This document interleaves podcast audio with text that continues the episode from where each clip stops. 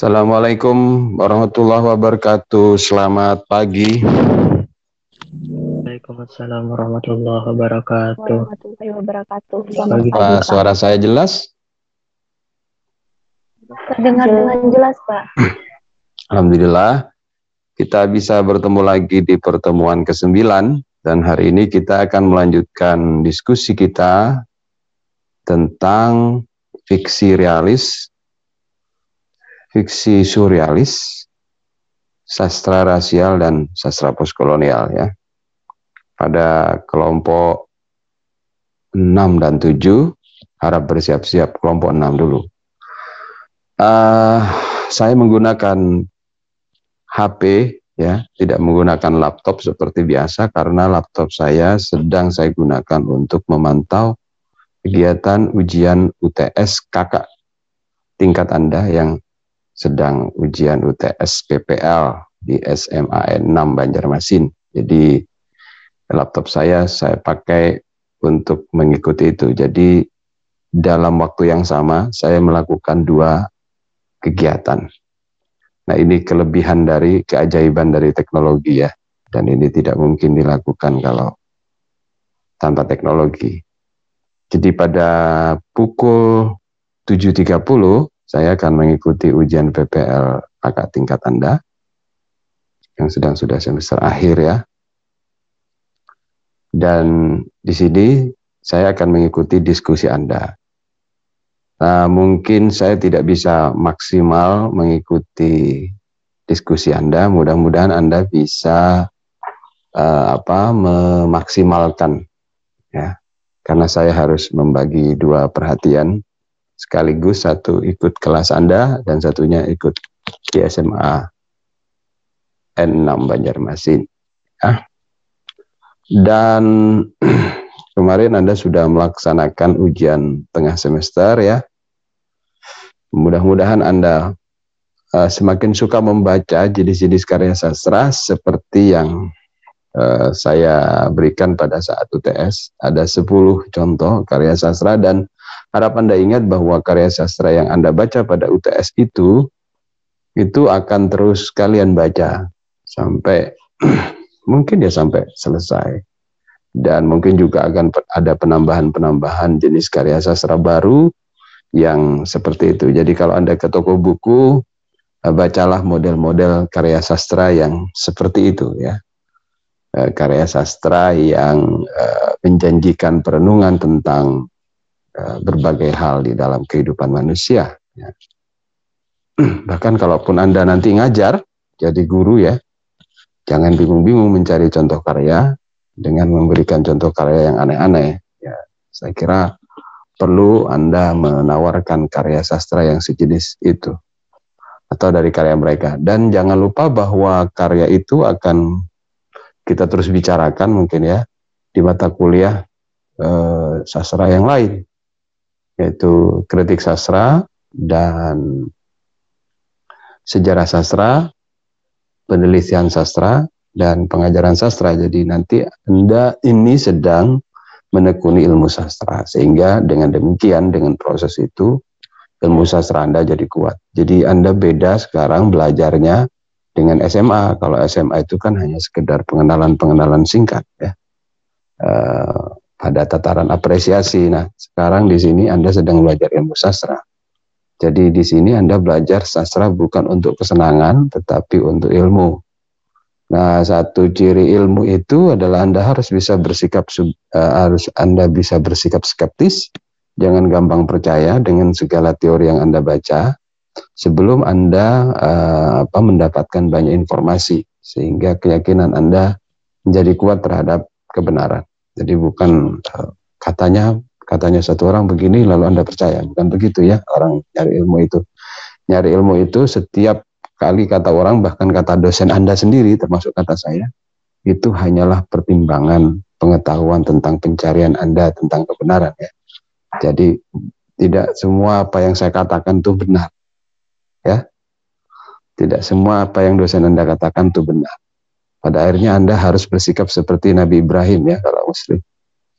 Jadi dia harus mencari kebenarannya sendiri mau, mau apa me, me, me, apa, memenggal berhala-berhala ya di dalam pengetahuan. Apa yang kira-kira jadi berhala, kemudian satu pengetahuan disembah, ini nggak benar kok disembah. Penggal, itu Nabi Ibrahim kan kayak gitu ya. Dalam pencarian kebenaran itu. Nah, itu hanya sekedar analogi sederhana ya. Mungkin sebetulnya persoalannya lebih rumit dari itu. Baik, silakan kelompok 6 dan 7 sudah siap? Siap, Pak. Sudah siap, Pak. Baik, silakan kelompok 6 dulu. Sebelumnya eh, mohon maaf Pak, izin mematikan kamera karena berbagai iya. layarnya menggunakan HP. Iya, silakan.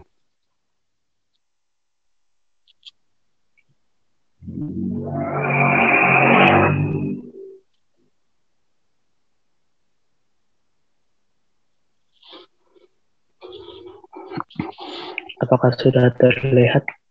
Sudah.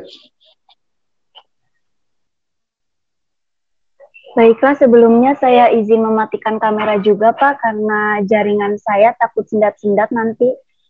Boleh, silakan. Assalamualaikum warahmatullahi wabarakatuh. Waalaikumsalam. Yang saya hormati Bapak Dr. Sainul Dermawan M. Hum, selaku dosen pembimbing pada mata kuliah teori sastra. Dan yang saya banggakan teman-teman sekalian, puji syukur marilah kita panjatkan kepada Allah Subhanahu wa taala dan sholawat serta salam semoga tetap tercurahkan kepada Nabi besar Muhammad Shallallahu alaihi wasallam. Adapun topik yang akan kita diskusikan pada diskusi kali ini yaitu tentang fiksi realis dan fiksi surrealis. Saya Farah Ferunisa selaku moderator akan membimbing jalannya diskusi ini. Salin dia selanjutnya. Sebelumnya saya akan memperkenalkan anggota kelompok saya yaitu kelompok 6 yang di mana anggota kelompok bernama Muhammad Wahyudin dan saya sendiri. Selanjutnya saya akan membacakan rangkaian acara yang akan kita lewati pada diskusi hari ini antara lain yang pertama pembukaan, kedua penyajian materi, dan yang ketiga adalah sesi tanya jawab, dan yang terakhir yaitu penutup. Acara yang pertama yaitu pembukaan.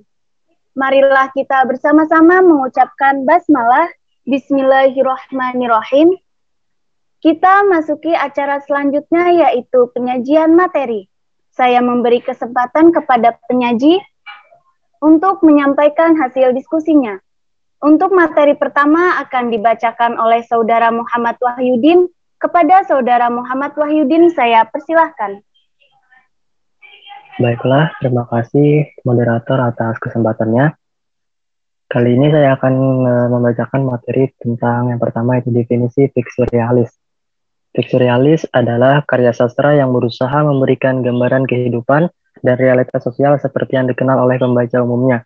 Dan untuk mencapai tujuan ini, tokoh protagonis fiksi biasanya adalah warga masyarakat biasa dalam kehidupan sosialnya sehari-hari. Kemudian, yang kedua adalah definisi fiksi surrealis. Fiksi surrealis adalah karya sastra yang menggunakan kebebasan berkreasi dan berimajinasi, sehingga hasil yang dicapai menjadi anti logika dan anti realitas. Fiksi surrealis juga menggunakan imajinasi yang begitu kuat dan jauh, oleh karena itu terasa ekstrim dan radikal. Kemudian berikutnya adalah uh, contoh fiksi realis. Yang pertama itu ada cerpen Siti Nurbaya. Cerpen ini merupakan cerpen yang dikarang oleh Marah Rusli. Cerpen ini menceritakan tentang cinta remaja antara Samsul Bahri dan Siti Nurbaya yang hendak menjalin cinta tapi terpisah ketika Samsud terpaksa pergi ke Batavia untuk melanjutkan pendidikan. Kemudian yang kedua adalah novel Jalan Tak Ada Ujung. Novel ini merupakan karya Muhtar Lubis dan diterbitkan tahun 1952 oleh Balai Pustaka. Novel ini berlatar belakang kemerdekaan Indonesia dan bercerita tentang guru Isa, guru sekolah yang membantu para gerilyawan namun hidup dalam ketakutan. Novel ini dianggap luas sebagai karya terbaik Motor Lubis. Kemudian yang ketiga ada cerpen cerita dari Blora. Cerpen ini merupakan karangan dari Pramudya Anantator yang ditulis semasa revolusi pada tahun 1945 sampai 1949. Cerpen ini mengisahkan tentang kejadian pada tahun-tahun awal revolusi di kota kelahiran penulis, yaitu kota Blora. Kemudian yang keempat adalah novel Salah Asuhan Novel ini merupakan novel masa awal tahun 1920-an yang dikarang oleh Abdul Muiz dan diterbitkan oleh Balai Pustaka pada tahun 1928. Novel ini bercerita tentang Hanafi, pemuda Minangkabau yang berada di tengah pendidikan dan lingkungan yang menganut nilai-nilai dan sikap hidup orientasi barat. Hanafi dianggap salah asuhan karena keberat-baratan. Kemudian yang berikutnya adalah contoh fiksi surrealis. Yang pertama itu ada radio masyarakat. Radio masyarakat merupakan cerpen ini uh, dibuat oleh Rusihan Anwar pada zaman penjajahan Jepang di tahun 1940-an. Cerpen tersebut menceritakan tentang seorang yang tidak bersemangat lagi dalam menjalani hidupnya. Seseorang tersebut bernama Koswari yang menjadi tokoh utama dalam cerita. Meskipun demikian, sebenarnya ia ingin berubah menjadi orang yang lebih baik, namun keadaan menghalanginya sehingga ia berputus asa dalam menjalani hidupnya. Hal itu terjadi akibat janji-janji palsu yang disampaikan oleh Jepang. Kemudian contoh yang kedua itu adalah Merahnya Merah. Merahnya Merah ini merupakan novel pertama yang dibawa angin baru dari kehidupan pernovelan Indonesia. Novel ini bercerita tentang cinta segitiga di kalangan gelandangan. Masalah yang ditujukan oleh ini adalah pengakuan bahwa seorang gelandangan tidak sekedar orang bertampang lusuh dan berpakaian compang-camping, Judul Merahnya Merah didasarkan pada peristiwa terbunuhnya tokoh cerita yang bernama Tokoh Kita di ujung golok Pak Centeng dengan bersimbah darah yang merah. Tumbangnya Pak Centeng di ujung peluru komandan polisi dengan darah yang mengucur merah di ufuk barat. Kemudian contoh yang ketiga yaitu ada Tumbang. Tumbang merupakan sebuah drama bergenre surrealis. Drama ini bercerita tentang penyesalan seorang lelaki yang dulunya itu dia adalah penjudi, peminum, penjahat, suka kasar, dan juga suka mencaci istrinya dia juga tidak memiliki pekerjaan apa pun sehingga istrinya harus menjual dirinya atau melakukan pekerjaan yang hina. Demikian uh, penyampaian dari saya, saya kembalikan ke moderator. Baiklah, terima kasih banyak kepada Saudara Muhammad Wahyudin yang telah menyampaikan materinya. Selanjutnya yaitu materi tentang perbedaan antara fiksi realis dan fiksi surrealis yang akan dibacakan oleh saya sendiri. Perbedaan fiksi realis dan fiksi surrealis. Yang pertama yaitu fiksi realis mengutamakan realitas kehidupan sedangkan fiksi surrealis mengagungkan kebebasan kreasi dan berimajinasi sehingga hasil yang dicapai menjadi anti logika dan anti realitas. Yang kedua yaitu fiksi realis, menggunakan hal-hal yang nyata yang pernah terjadi bukan imajinatif belaka. Sedangkan fiksi surrealis menggunakan imajinasi yang begitu kuat dan jauh. Oleh karena itu terasa ekstrim dan radikal. Yang ketiga yaitu fiksi realis itu seperti biografi, autobiografi, true story, album kisah nyata, dan roman sejarah. Sedangkan fiksi surrealis itu lebih kepada absurdisme seperti cerita orang kesurupan. Yang keempat yaitu fiksi realis menggunakan alam sadar, sedangkan fiksi surrealis menggunakan alam bawah sadar. Yang kelima yaitu fiksi surrealis mencoba mengeksploitasi materi-materi dalam mimpi, sedangkan fiksi realis mencoba mengeksploitasi kejadian-kejadian yang nyata. Baiklah, selesai sudah diskusi kita pada kali ini. Sekarang saya akan membacakan kesimpulan dari presentasi kita hari ini. Kesimpulannya yaitu, fiksi realis adalah karya sastra yang berusaha menggambarkan bagaimana kehidupan masyarakat pada umumnya. Berbanding terbalik dengan fiksi surrealis yang lebih menggambarkan imajinasi atau fantasi seorang pengarang terhadap suatu karya sastra. Baiklah, acara selanjutnya yaitu sesi tanya jawab dipersilahkan kepada teman-teman yang ingin bertanya untuk mengirimkan pertanyaannya melalui kolom chat atau bertanya secara langsung dengan menyertakan nama dan kelompok masing-masing.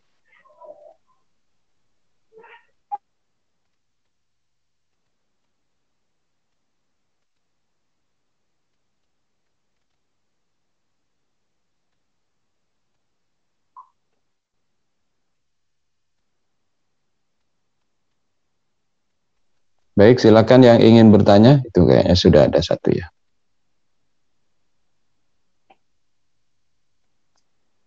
Itu dari Rini ya. Sudah ada. Kemudian dari Risma.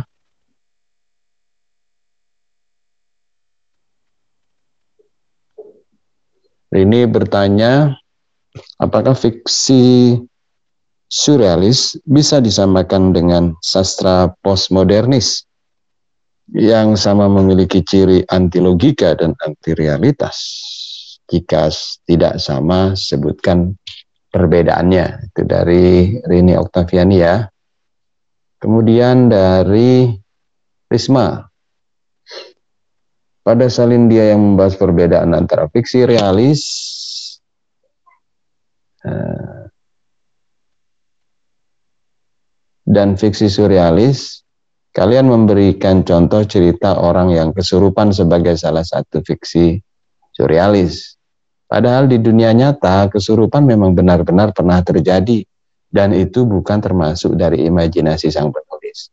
Bisa kalian jelaskan mengapa cerita orang kesurupan itu bisa dimasukkan ke dalam fiksi surrealis? Kemudian dari Azria Dwi Nandita, apakah ada buku atas satu kumpulan sastra yang di dalam karyanya mengandung fiksi realis dan fiksi surrealis. Kemudian dari Reza Apriliani, bagaimana jika ada cerpen yang isinya sesuai dengan realita kehidupan, tapi semisal di bagian akhirnya ditambah dengan sedikit fantasi semacam plot twist atau alur yang tidak terduga. Yang seperti ini apakah masih bisa dikatakan realis atau sedikit unsur fantasi itu bisa berpengaruh? Itu dari Reza. Pertanyaan selanjutnya dari Fahima. Dalam pengertian fiksi surrealis dijelaskan bahwa fiksi tersebut terasa ekstrim dan radikal pertanyaan saya adalah rasa ekstrim dan radikal dalam fiksi surrealis itu seperti apa? Apakah setiap karya sastra termasuk fiksi surrealis itu memiliki rasa ekstrim dan radikal? Oke. Itu yang sudah terlalu banyak ini pertanyaannya ya, saya kira cukup. Mudah-mudahan bisa dijawab. Silahkan, yang mana yang mau dijawab yang lebih mudah dulu.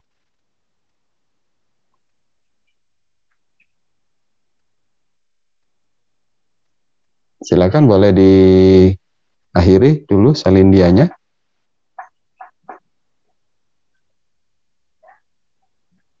Baik, Pak.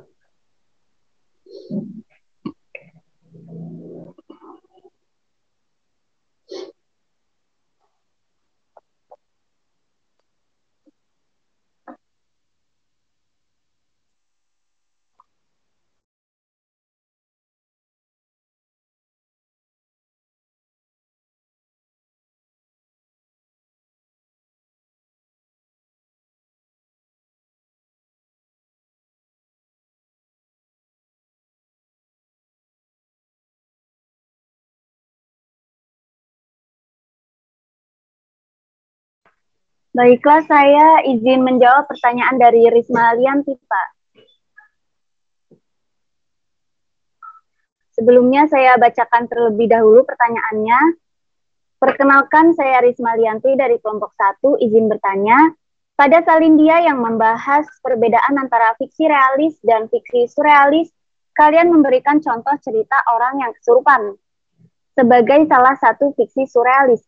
Padahal di dunia nyata, kesurupan memang benar-benar pernah terjadi dan itu bukan termasuk dari imajinasi sang penulis.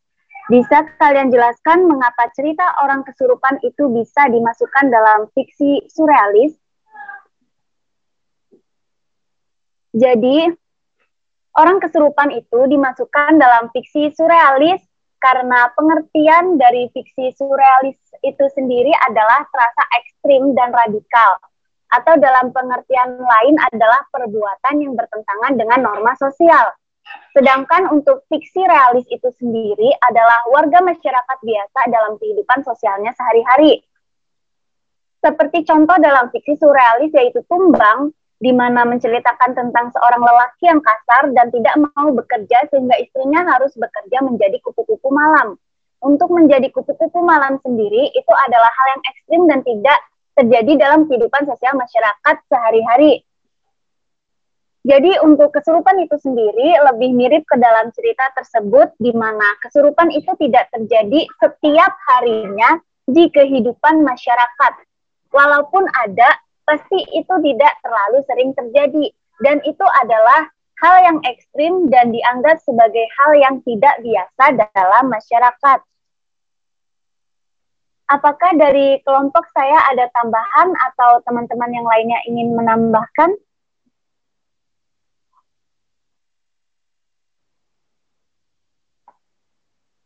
Jika tidak, bagaimana Risma Lianti? Apakah jawaban saya sudah cukup jelas? Uh, jadi yang dimaksud fiksi surrealis itu bisa kita katakan bahwa itu merupakan fiksi yang diangkat dari cerita-cerita yang dianggap tabu di masyarakat seperti itu ya.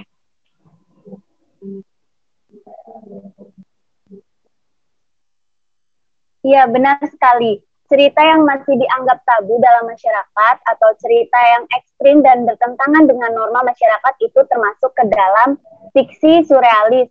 Dan yang terpenting adalah fiksi surrealis itu bersifat absurdisme. Baik, terima kasih. Jawabannya bisa dipahami. Ya, sama-sama.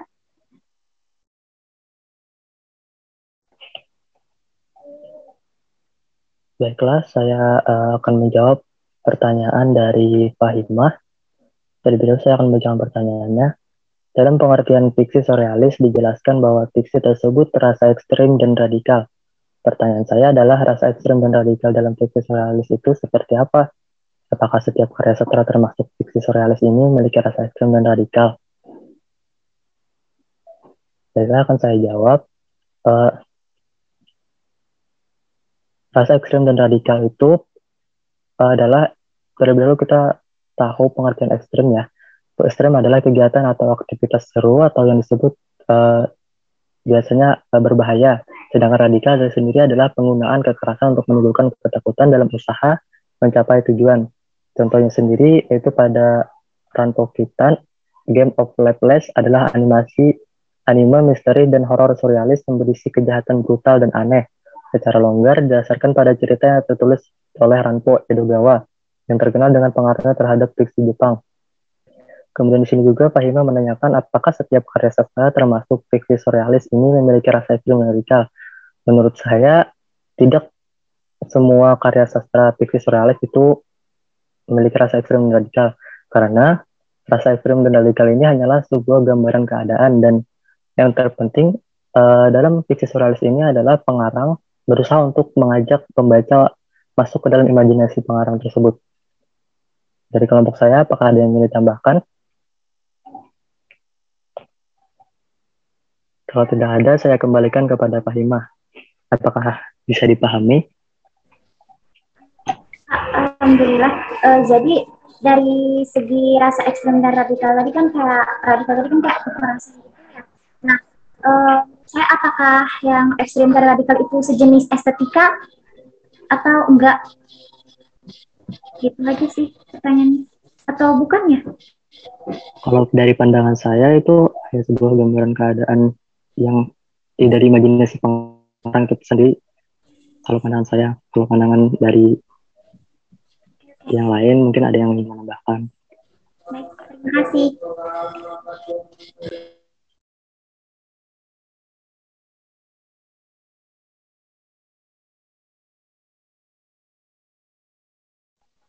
Selanjutnya saya akan menjawab pertanyaan dari Azria. Sebelumnya saya bacakan dulu pertanyaannya. Assalamualaikum warahmatullahi wabarakatuh. Saya Azria Dwi Nandita dari kelompok 5 izin bertanya, apakah ada buku atau satu kumpulan sastra yang di dalam karyanya mengandung fiksi realis dan fiksi surrealis? Jadi sesuai dengan referensi yang telah kita cari, jadi ada sebuah buku yang di dalamnya itu memuat kisah realis dan surrealis. Dan itu berjudul ilusi delusi. Kisah realis surrealis dalam kumpulan cerpen sastra. Kumpulan cerpen ini mengajari kita untuk berpikir tanpa tepat, mencari setiap kemungkinan yang bisa dihadirkan sebagai cerita, pikiran penulis tentang proses dan pemberontakan kepada Tuhan menyatu dalam kumpulan cerpen ini. Dia ingin menjadi sufi, siap mendoktrin pembaca dengan hal-hal transendental cukup seru dan menegangkan. Kita akan diaduk-aduk perasaannya saat membaca beragam cerita yang kadang tak masuk akal dan butuh daya renung yang tinggi, imajinasi yang liar, namun kadang akan membuat kita tertegun dengan bahasa yang tiba-tiba menghentak. Pencarian hakikat sebenarnya hidup lalu beragam kematian-kematian kecil selalu mengiringi. Bagaimana Azria? Kalau yang seperti itu jatuhnya genrenya itu apa? Apa disebut campuran atau surreal, surrealis? Itu campuran antara realis dan surrealis. Oh iya, bisa dipahami. Terima kasih, para. Baik, sama-sama.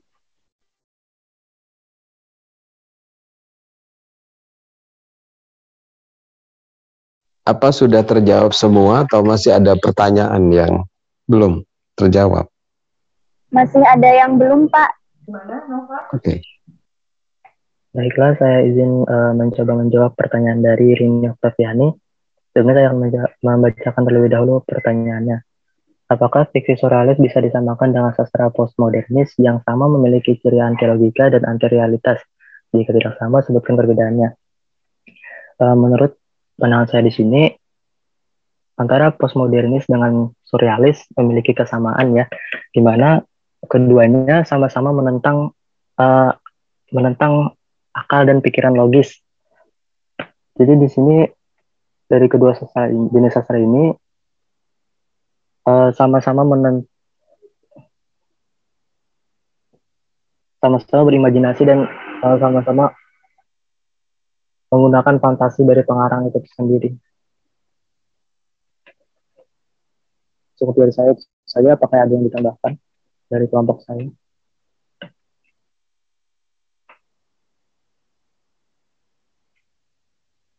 Jika tidak ada, saya kembalikan kepada Rini Oktaviani. Apakah sudah cukup puas? Uh, jadi begini, bagaimana cara kita untuk mengetahui sebuah karya sastra itu termasuk uh, sastra postmodernis atau fiksi surrealis? Boleh ya kalau peserta lain ada jawaban, silakan dibantu kelompok ini. Pertanyaannya Rini itu bagus ya, sebetulnya mungkin bukan hanya pertanyaan buat kelompok ini, tapi bisa juga untuk kelompok yang lain. Suara saya jelas tidak? Suara saya putus-putus ya? Jelas ya? Ya, bagaimana kata Rini tadi membedakan fiksi postmodernis dan fiksi surrealis. Ada yang bisa? Yang pertama itu adalah fiksi atau pengenalan. Masih ingat pengertian pengenalan di sini? Ada suara lain yang masuk ya? Itu ya kakak Anda sedang PPL ya. Jadi saya menyalakan laptopnya. Uh, gini, dari kumpulan karya sastra yang kemarin Anda baca? Bisa tidak ada yang cerita mana yang kira-kira realis dan mana yang surrealis? Ada tidak yang menemukan kasus cerpen surrealis dari yang kalian baca pada saat UTS? Silakan kalau ada yang mau cerita. Silakan. Ada Pak. Eh, silakan, bisa diceritakan. Jadi uh, saya dapat bagian cerpen yang berjudul Sepotong Bibir yang Paling Indah di Dunia. Jadi dari kan terdiri dari sembilan cerpen dan satu cerpen itu uh, ada empat subbab cerpennya. Jadi semua cerpen cerpen itu menurut saya tidak masuk logika semua pak. Karena ya ada ada tapi cuma satu dan bahasanya yang bisa saya pahami itu cuma satu. Contohnya yang cerpen sepotong bibir yang paling indah di dunia itu nggak masuk akal ya Pak kalau misalnya bibir manusia sudah dipotong dihadiahkan kepada seorang wanita bibirnya itu bisa mandi bisa nyanyi bisa berbicara. Nah itu tidak masuk akal Pak dalam cerpennya. Terus juga di situ ceritanya ada tentang penjahit kebahagiaan. Jadi penjahit kebahagiaan ini di sini ceritanya ini bisa menjahit hati orang-orang yang terluka. Padahal logikanya kan gak ada pak orang yang bisa menjahit sebuah kesedihan itu. Gitu pak. Dan masih banyak lagi itu kira-kira surrealis atau postmodernis kan gitu kan pertanyaannya hari ini itu kira-kira contoh karya sastra seperti yang ditulis oleh Agus Nur itu itu contoh fiksi postmodernis atau fiksi surrealis. Gimana? Kalau menurut Rini gimana? Itu masuk postmodernis atau fiksi surrealis? Kan mirip ya cirinya. Iya Pak, kalau yang sepotong bibir yang paling indah di dunia, yang apa ya menghadiahkan sebuah bir manusia yang bisa berbicara itu kalau menurut saya postmodernis ya Pak karena benar-benar tidak masuk akal sebuah bibir yang sudah dipotong dari tubuh hmm. manusia itu bisa mandi, bisa berjalan-jalan, bisa memakan sepotong roti. Itu Pak, hmm. kalau menurut uh, analisa saya. Ya. Kalau surrealis kan itu ibaratnya masih ada kan kata Farah tadi masih ada di masyarakat. Ada rea, ya, ada realisnya. Hmm. Paham ya sekarang bedanya. Kalau posmo itu sama sekali, sama sekali gitu. Sama sekali ya. tidak masuk akal. Sama, sama sekali nggak masuk akal. Tapi kalau surrealis itu masih ada realisnya. Cuma ada surrealis. Jadi beda ya. Bisa hari ini pahami sekarang. Kalau ya, posko itu sama sekali dia sebuah dunia ciptaan yang enggak ada di dalam kerajaan sama sekali. Eh, tapi kalau surrealis itu ada masih ada di dalam kenyataan. Anda bisa baca contoh cerpen surrealis itu dari karya Agus Nur juga yang berjudul mungkin siapa yang baca ini atau mungkin ada yang baca cerpen judulnya Kartu Pos dari Sorga. Pernah Anda baca itu? Saya juga, Pak. Oh ya. Gimana tuh ceritanya? itu ceritanya kan uh, mamanya ini jauh dari anaknya. Terus dia setiap uh, bulannya itu mengirim kartu pos, tapi pada suatu ketika mamanya ini berhenti mengirim kartu pos karena ternyata mamanya ini sudah meninggal akibat kecelakaan pesawat. Jadi kan mayatnya ini tidak bisa ditemukan. Setelah itu anak ini terus nunggu nunggu nunggu kapan kartu pos dari mamanya ini datang. Dan pada suatu ketika uh, ternyata mamanya ini datang. Datang. Padahal kan sudah sudah meninggal. Mamanya ini hmm. datang dari surga terus bilang ke anaknya bahwa tukang posnya sakit jadi nggak bisa mengantarkan surat. Jadi mama sendiri yang mengantarkan kartu posnya. Terus uh, setelah ayahnya ini datang ke kamarnya yang ditemukan ini cuma sepotong kain kafan yang sudah uh, terbakar, terbakar. separuh terbakar seperti itu pak iya itu cerpen itu diangkat dari kisah nyata ya.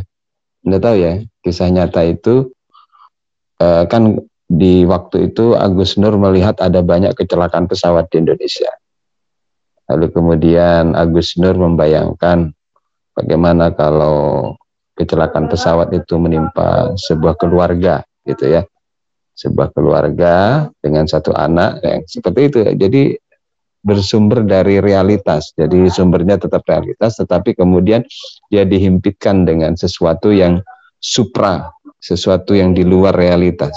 Itu kan masih ada ya kan model-model kepercayaan kita bahwa nenek moyang kita itu masih hidup pada waktu-waktu tertentu harus diberikan sesajen itu kan seperti alam surrealisme ya. Realisme berhimpitan dengan sesuatu yang supra, supranatural ya. Ada ada sesuatu yang supranatural masuk ke dalam realis ya realitas. Itu namanya surrealisme. Itu bukan postmodernisme. Paham ya? Bedanya kalau postmodernisme sepenuhnya imajinasi itu ciptaan tidak ada hubungannya sama sekali dengan kenyataan. Jadi murni imajinasi pengarang membayangkan yang aneh-aneh merombak yang aneh-aneh gitu ya sifatnya dia mendekonstruksi. Jadi dia mengacak-acak satu kebiasaan norma-norma yang sudah diyakini baku begitu jadi ya diobrak-abrik oleh karya uh, postmodernis. Ya? Itu bedanya. Saya kira hari ini sudah menjawab pertanyaannya sendiri.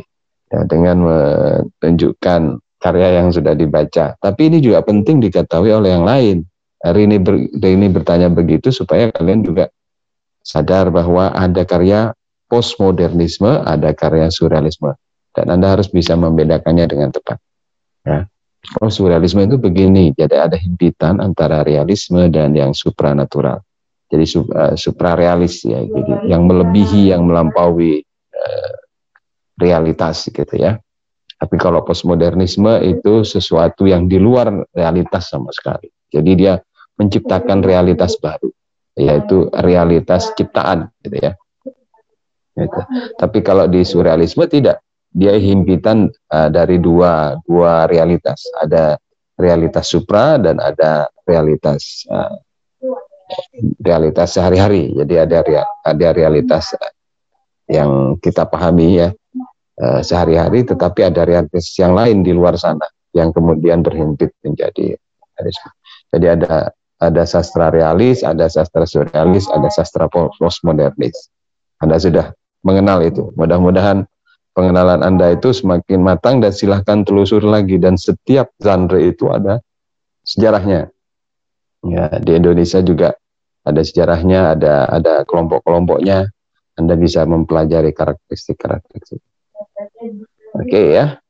Saya kira itu sudah terjawab. Apakah masih ada pertanyaan yang ingin dijawab oleh kelompok ini?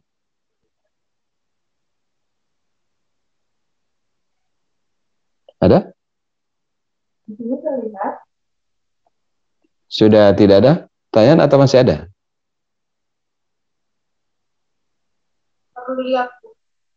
Ya, ini macet ini.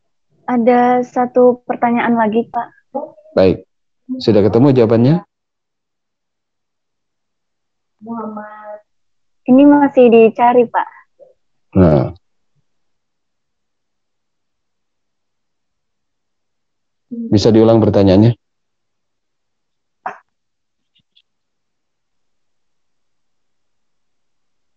Pertanyaannya yaitu bagaimana jika ada cerpen yang isinya sesuai dengan realita kehidupan, tapi semisal di bagian akhirnya ditambah dengan sedikit fantasi, semacam plot twist atau alur yang tidak terduga, yang seperti ini apakah masih dikatakan realis atau sedikit unsur fantasinya itu bisa berpengaruh?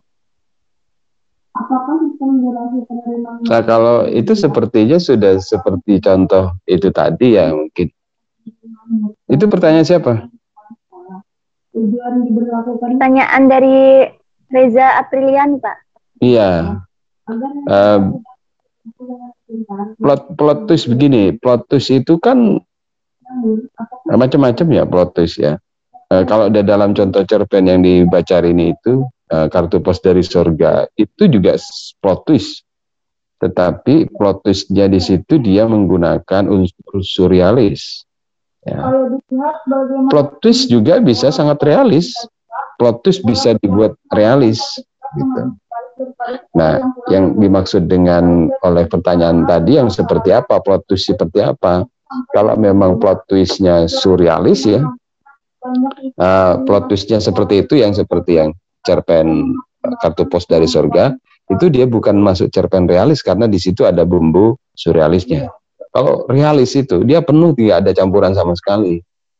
Nah, unsur campuran itu akan menentukan uh, itu uh, apa menentukan genre ini bakal masuk ke mana. Nah, jadi kalau seperti contoh yang dicontohkan ini tadi, contoh satu pos dari sorga itu nanti silakan baca ya kumpulan cerpennya sudah saya bagi di Google Classroom supaya anda cuma tidak dengar gitu ya anda baca juga. Oh seperti ini ya namanya realis oh seperti ini ya surreal nah plot twist itu bisa macam-macam ya.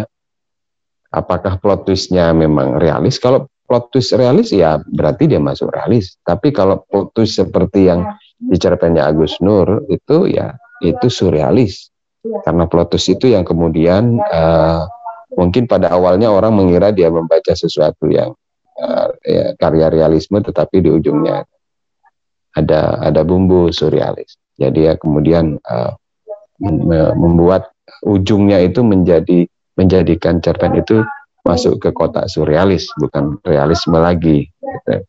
nah realis realis juga ada ada eh, itu kan ada surrealis ya ada surrealis jadi itu percampuran antara realisme dan sesuatu yang supranatural. Ada ada unsur supranatural yang masuk ke dalam itu semacam mimpi dan sebagainya ya. Ada juga yang namanya realisme sosial. Jadi realisme sendiri itu terbagi-bagi ya. Uh, ada realisme sosial. Realisme sosial itu itu nanti masuk ke kategori sastra marxis itu. Itu realisme sosial. Nah, realisme sosial di situ ada ideologi eh, ada ideologi revolusi gitu ya, bahwa karya sastra yang ber, bahwa karya sastra yang berkualitas adalah karya sastra yang memiliki estetika perlawanan. Jadi dia harus mencerminkan uh, perjuangan kelas sosial.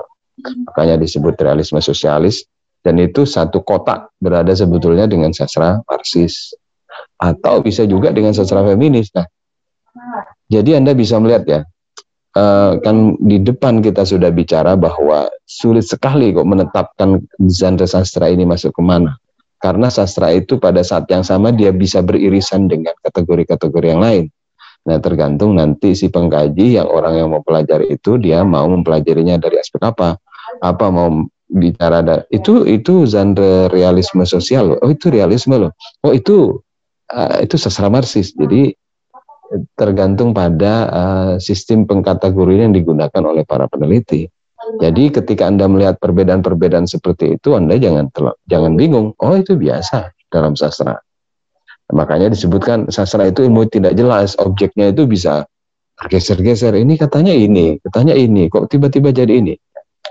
Termasuk ketika orang mendefinisikan apa sih sastra dan bukan sastra.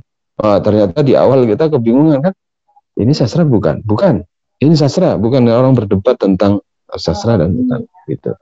Nah, pada tanggal nanti tanggal 30 30 Oktober nanti ada seminar nasional ya. PBSI melaksanakan seminar nasional. Ada satu topik di seminar nasional itu yang akan bicara soal sastra dan bukan sastra urusan siapa. Silakan Anda hadir ya secara daring karena itu wajib insya Allah diwajibkan oleh Prodi hari Sabtu itu ya hari Sabtu secara daring untuk mengikuti seminar nasional. Jadi mulai pukul 8 sampai pukul 3 ya. Silakan Anda hadir. Di situ ada tiga pembicara dari Jakarta, dari Palembang dan dari Bandung ya. Topiknya menarik-menarik, ada tentang pembelajaran dan hanya harus Anda ikuti ya. Hari Sabtu tanggal 30 dicatat ya. Jangan sampai tidak hadir, Anda diharapkan hadir semua. Dan bukan hanya hadir mengisi daftar hadir, tapi juga hadir secara uh, aktif, secara kognitif dan sosial, ikut memberikan respon, ikut memberikan pertanyaan, gitu ya, supaya seminarnya menjadi hidup. Ah, baik, kalau itu saya kira pertanyaan untuk pertanyaan terakhir dan kita akhiri untuk kelompok ini silahkan uh, kelompok berikutnya untuk presentasi. Sebelumnya saya izin mematikan kamera Pak karena jaringan saya sedang tidak stabil, takutnya sendat-sendat. Oke, tidak apa-apa. Lanjutkan. Baik, Assalamualaikum warahmatullahi wabarakatuh. Yang terhormat Bapak Dr. Sainul Hermawan Emus selaku dosen pembimbing pada mata kuliah teoris teori sastra serta teman-teman yang berbahagia. Puji syukur marilah kita panjatkan kepada Allah Subhanahu wa taala dan salawat serta salam semoga tetap tercurahkan kepada baginda Rasulullah Muhammad sallallahu alaihi wasallam. Adapun topik yang akan kita bicarakan pada diskusi kali ini yaitu tentang sastra rasial versus sastra postkolonial. Nah, saya selaku moderator akan membimbing jalannya diskusi ini. Sebelumnya saya akan memperkenalkan anggota kelompok saya, yang pertama ada Dinda Anggi Sasmita, dan yang kedua saya sendiri Reza Apriliani. Baiklah, uh, supaya tidak membuang waktu, langsung saja kita mulai penyampaian materi yang pertama akan dibacakan oleh Dinda. Kepada Dinda, dipersilakan. Terima kasih kepada moderator. Uh, topik pertama yang akan kita bahas yaitu sastra rasial. Ada tiga cakupan yang akan kita bahas. Yang pertama yaitu pengertian, kedua ciri-ciri, dan yang ketiga contoh.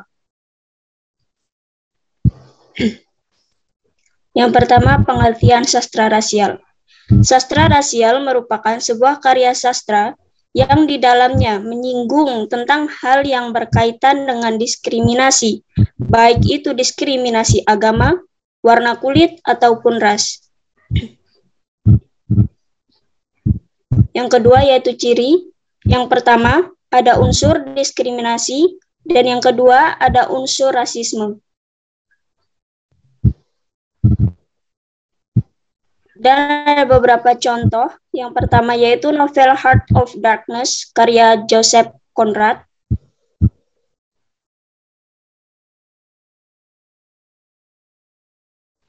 Mohon maaf Pak, sepertinya ada kendala. yang lain yang sedang bisa dibantu tidak dengan yang lain yang sekarang menggunakan laptop? Uh, bisa ulun yang share screen kan Pak? Oh ya, boleh. Pak Ima. Terima kasih Pak Ima. Ini bentar. Download PPT-nya dulu Pak.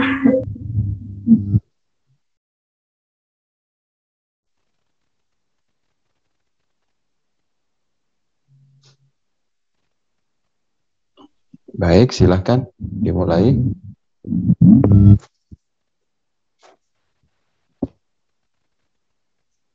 Contoh yang kedua yaitu novel Debu-Debu Rahine Rasa Tak Kenal Batas-Batas Rumah Karya Zainal Fanani. Dan contoh lainnya ada karya Pramodia Ananta Toer yang berjudul novel Bumi Manusia dan novel-novel karya Jacqueline Watson. Uh, pada novel-novel Jacqueline Watson ini objeknya mengenai uh, lima novel JW yang terbit pada rentang tahun 1992 sampai 2006, yaitu yang pertama ada Maison at Blue Hill pada tahun 1992, If You Come So Fly pada tahun 1998, I Had Not Meant to Tell You This tahun 1999, Behind You pada tahun 2004, dan Lena pada tahun 2006. Uh, eh, pada novel-novel Debu-Debu Rahine, ada bentuk diskriminasi yang dialami oleh etnis Muslim Rohingya yang terdapat dalam novel Debu-Debu Rahina karya Zainal Fanani berupa diskriminasi rasisme. Adapun temuan hasil analisis berjumlah 37 kutipan yang berbentuk perlakuan diskriminasi ras berupa pencabutan hak warga negaraan, pemusnahan ras, pembunuhan, tidak ada jaminan kesejahteraan hidup, pencabutan hak-hak politik, serta minimnya akses pendidikan. Ada pula bentuk perlakuan diskriminasi agama. Adapun temuan hasil analisis berjumlah 19 kutipan yang berbentuk perlakuan diskriminasi agama berupa dilarang melakukan ibadah, beberapa masjid dibakar, sekolah-sekolah agama yang selalu di, yang selalu dicurigai dan sara. Uh, pada novel Heart of Darkness, gambaran diskriminasi dalam novel Heart of Darkness yang pertama yaitu gambaran kerja paksa, uh, yang kedua penyalahgunaan kekuasaan oleh orang-orang kulit putih, dan yang ketiga gambaran perlakuan kejam orang-orang kulit putih. Untuk Reza, apakah sudah masuk lagi ke room? Iya, sudah. Saya kembalikan ke moderator. Terima kasih.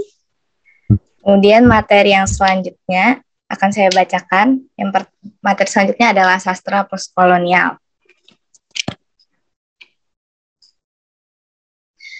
Uh, di sastra postkolonial ini kita akan membahas tentang pengertian, ciri, dan juga contohnya. Jadi pengertian sastra postkolonial adalah postkolonial merupakan suatu kajian yang merefleksikan kembali masa kolonial, yakni interaksi antara penjajah dalam hal ini barat dengan masyarakat pribumi yakni timur atau orient di mana pada saat itu terjadi penguasaan dan penundukan secara totalitas terhadap masyarakat pribumi yang meliputi segala aspek, baik secara fisik maupun mental. Kondisi sosial kultural juga tidak luput dari hegemoni Barat.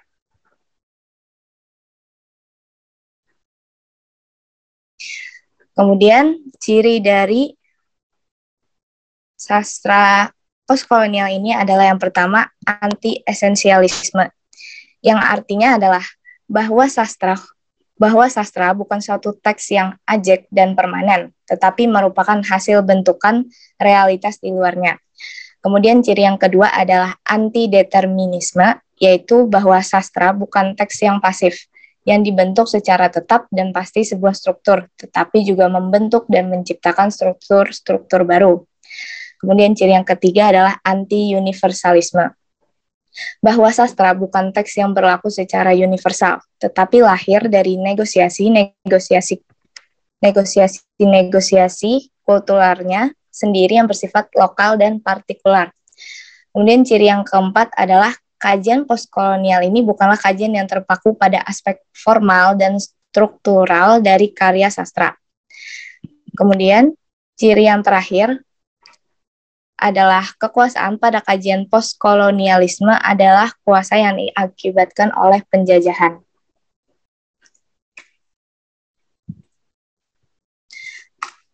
Nah, jadi contoh dari sastra uh, postkolonialisme ini yang pertama ada novel Matahari Terbit di Utara karya Dean Jo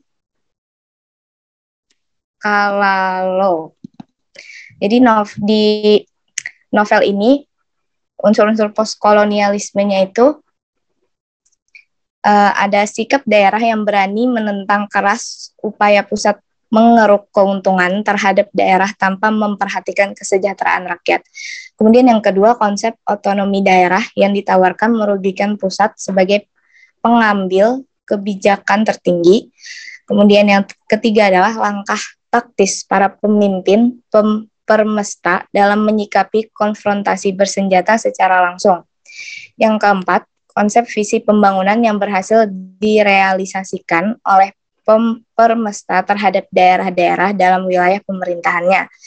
Yang kelima, perlawanan kritis baik secara gagasan pemikiran, konsep maupun aksi ofensif terhadap TNI. Yang keenam, pengambilan kebijakan di daerah tanpa restu tanpa restu kekuatan pusat dan yang terakhir adalah menolak otoritas dan kebijakan pusat dalam konsep-konsep birokrasi dan politik yang sentralistik. Kemudian eh, contoh yang kedua adalah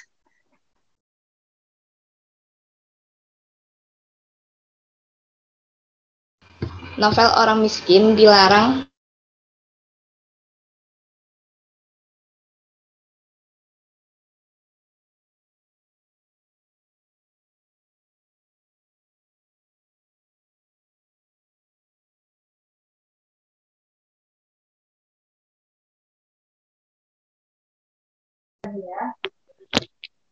Sepertinya gangguan sinyal ya.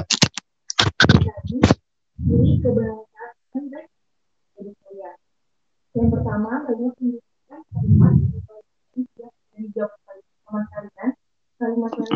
Gangguan sinyal ya?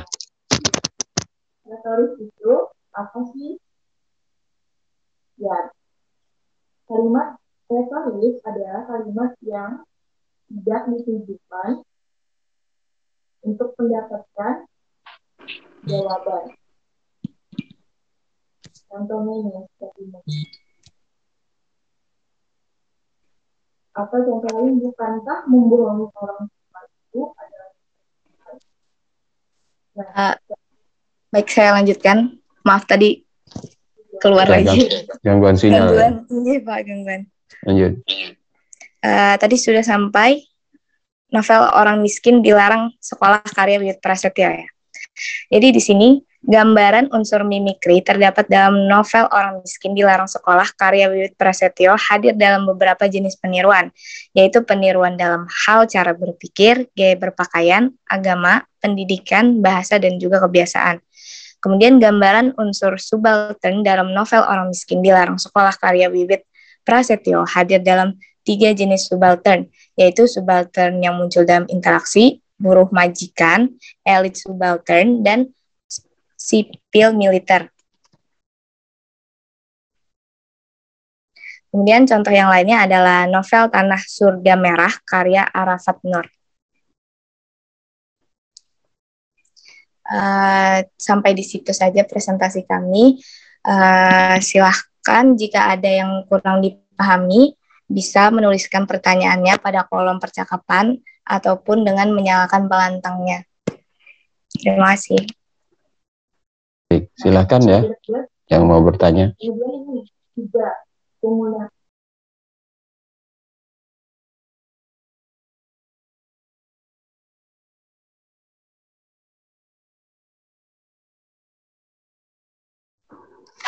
baiklah, di sini saya akan menjawab pertanyaan dari Farah Khairinisa.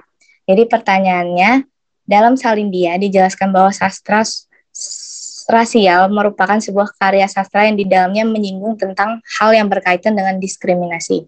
Pertanyaan saya, diskriminasi seperti apa yang boleh dan tidak boleh dianggap dalam sastra rasial? Uh, sebelumnya ini uh, apa namanya? Sesuai dengan pengetahuan saya saja, mohon maaf jika ada kekurangan. Nah, tadi kan seperti yang ada di Salindia, sastra rasial itu adalah sebuah karya sastra yang di dalamnya menyinggung tentang hal yang berkaitan dengan diskriminasi. Sepertinya di sini itu terlihat bahwa penulis karya sastra rasial itu berusaha untuk memperlihatkan bentuk diskriminasi di dunia ini di dalam tulisannya kepada para pembaca. Jadi, menurut saya itu sepertinya semua bentuk diskriminasi bisa dimasukkan ke dalam karya tersebut.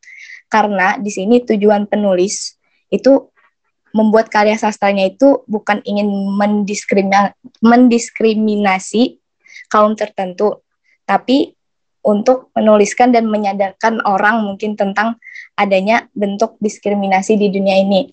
Nah, seperti contohnya tadi uh, apa sastra novel Heart of Darkness. Di situ penulisnya memperlihatkan unsur diskriminasi antara kaum berkulit putih dan berkulit hitam uh, yang terjadi pada masa uh, penjajahan. Seperti itu. Uh, ya, mungkin ada tambahan dari kelompok saya atau yang lainnya.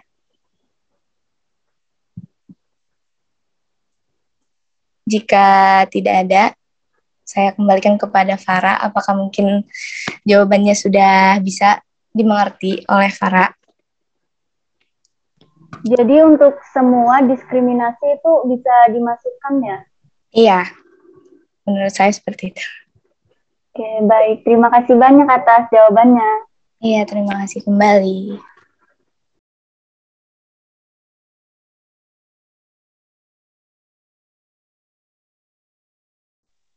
Masih ada pertanyaan?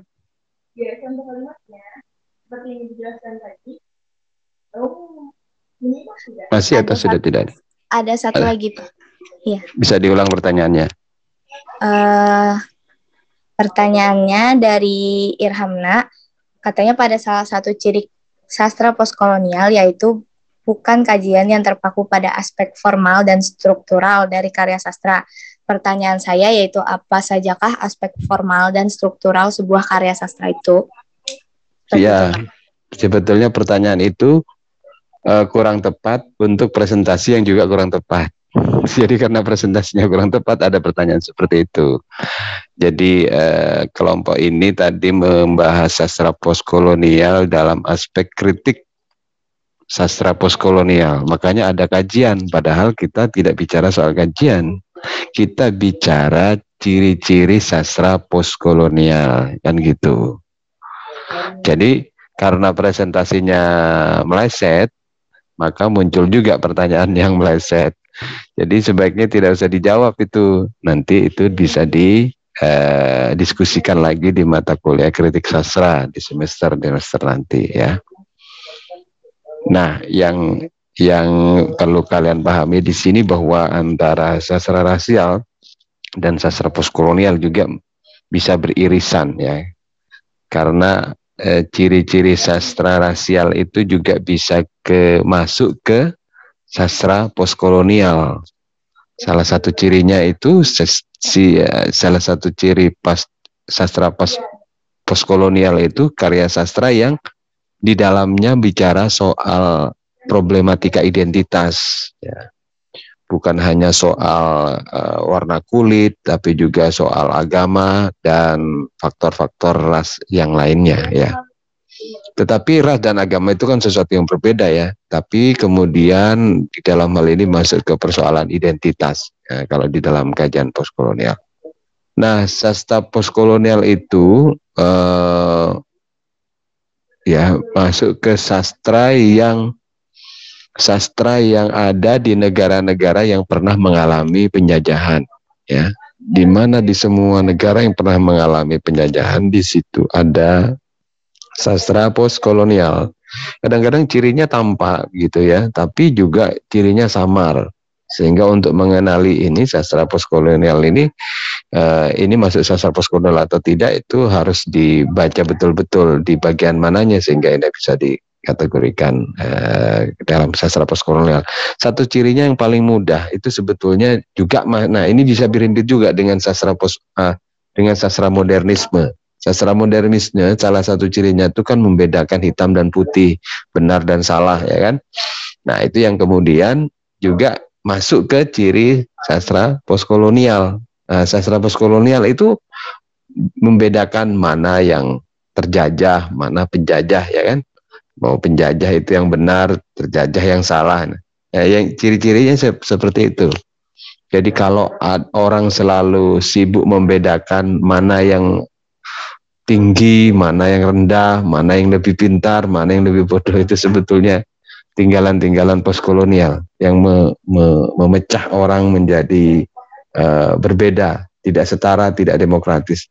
Kan di uh, kan di dalam sastra postkolonial itu salah satu cirinya itu tidak ada demokrasi, tidak ada kesetaraan.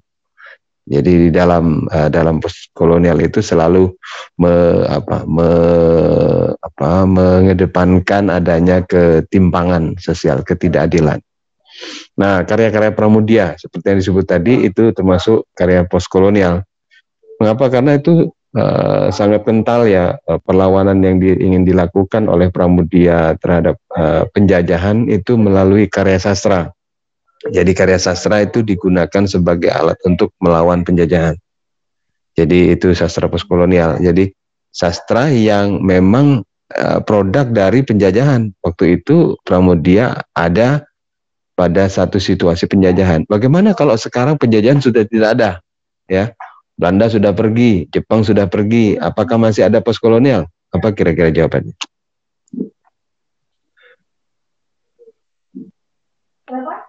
apakah sastra postkolonial masih ada ketika penjajahan sudah tidak ada? Ya tetap ada toh. Sastra postkolonial itu tetap ada, apalagi bangsa yang memang memiliki sejarah penjajahan seperti Indonesia. Indonesia pernah dijajah macam-macam bangsa ya, mulai Inggris, Belanda, ya, Jepang, ya. Nah, dijajah Pak Harto, ya. Kemudian dijajah yang lainnya, kemudian sampai sekarang dijajah yang oligarki. Ya. Sekarang kan menjajahnya menjajah Indonesia siapa oligarki. Ya. Nah, jadi sastra sastra postkolonial akan selalu ada di negara ini. Jadi Anda tinggal melihat uh, bagaimana wujudnya di dalam teks karya sastra. Oh, ini masuk karya sastra kolonial atau tidak. Uh, gitu ya. Baik, saya kira uh, cukup sampai di sini diskusi kita. Ini hanya sekedar mengenal genre sastra. Silakan Anda jelajahi lagi teks-teks yang sudah Anda sebutkan tadi ya. Siapa tahu nanti di ujian akhir semester Anda suruh baca novel-novel yang disebutkan tadi. Tadi Anda menyebutkan beberapa novel. Kalau di UTS Anda baca cerita pendek, eh, siap-siap uh, untuk membaca terutama karya sastra Indonesia yang bukan terjemahan. Ah, boleh juga Anda eh, membaca karya terjemahan sepanjang karya sastra yang eh, Anda baca itu bisa menguatkan pemahaman Anda tentang teori yang sedang Anda pelajari pada semester ini. Saya kira cukupkan sampai di sini. Terima kasih atas perhatian Anda. Jangan lupa isi daftar hadir ya. Nah, kita insya Allah akan ketemu pada minggu yang akan datang. Dan saya juga ingin mengingatkan, ini sudah tanggal 22, Uh, jangan lupa juga untuk hadir di nanti akan saya ingatkan lagi di hadir di seminar nasional tahun 2021. Terima kasih atas presentasinya, terima kasih atas partisipasi dan pertanyaannya yang baik. Silakan nanti disimak lagi uh, rekaman perkuliahan ini. Mudah-mudahan Anda semakin paham tentang berbagai macam jenis sastra yang bisa sepenuhnya berbeda satu sama lain, tapi juga bisa beririsan pada hal-hal tertentu. Demikian, saya cukupkan sampai di sini. Assalamualaikum warahmatullahi wabarakatuh. Waalaikumsalam warahmatullahi wabarakatuh. Terima kasih banyak, Pak. Sama.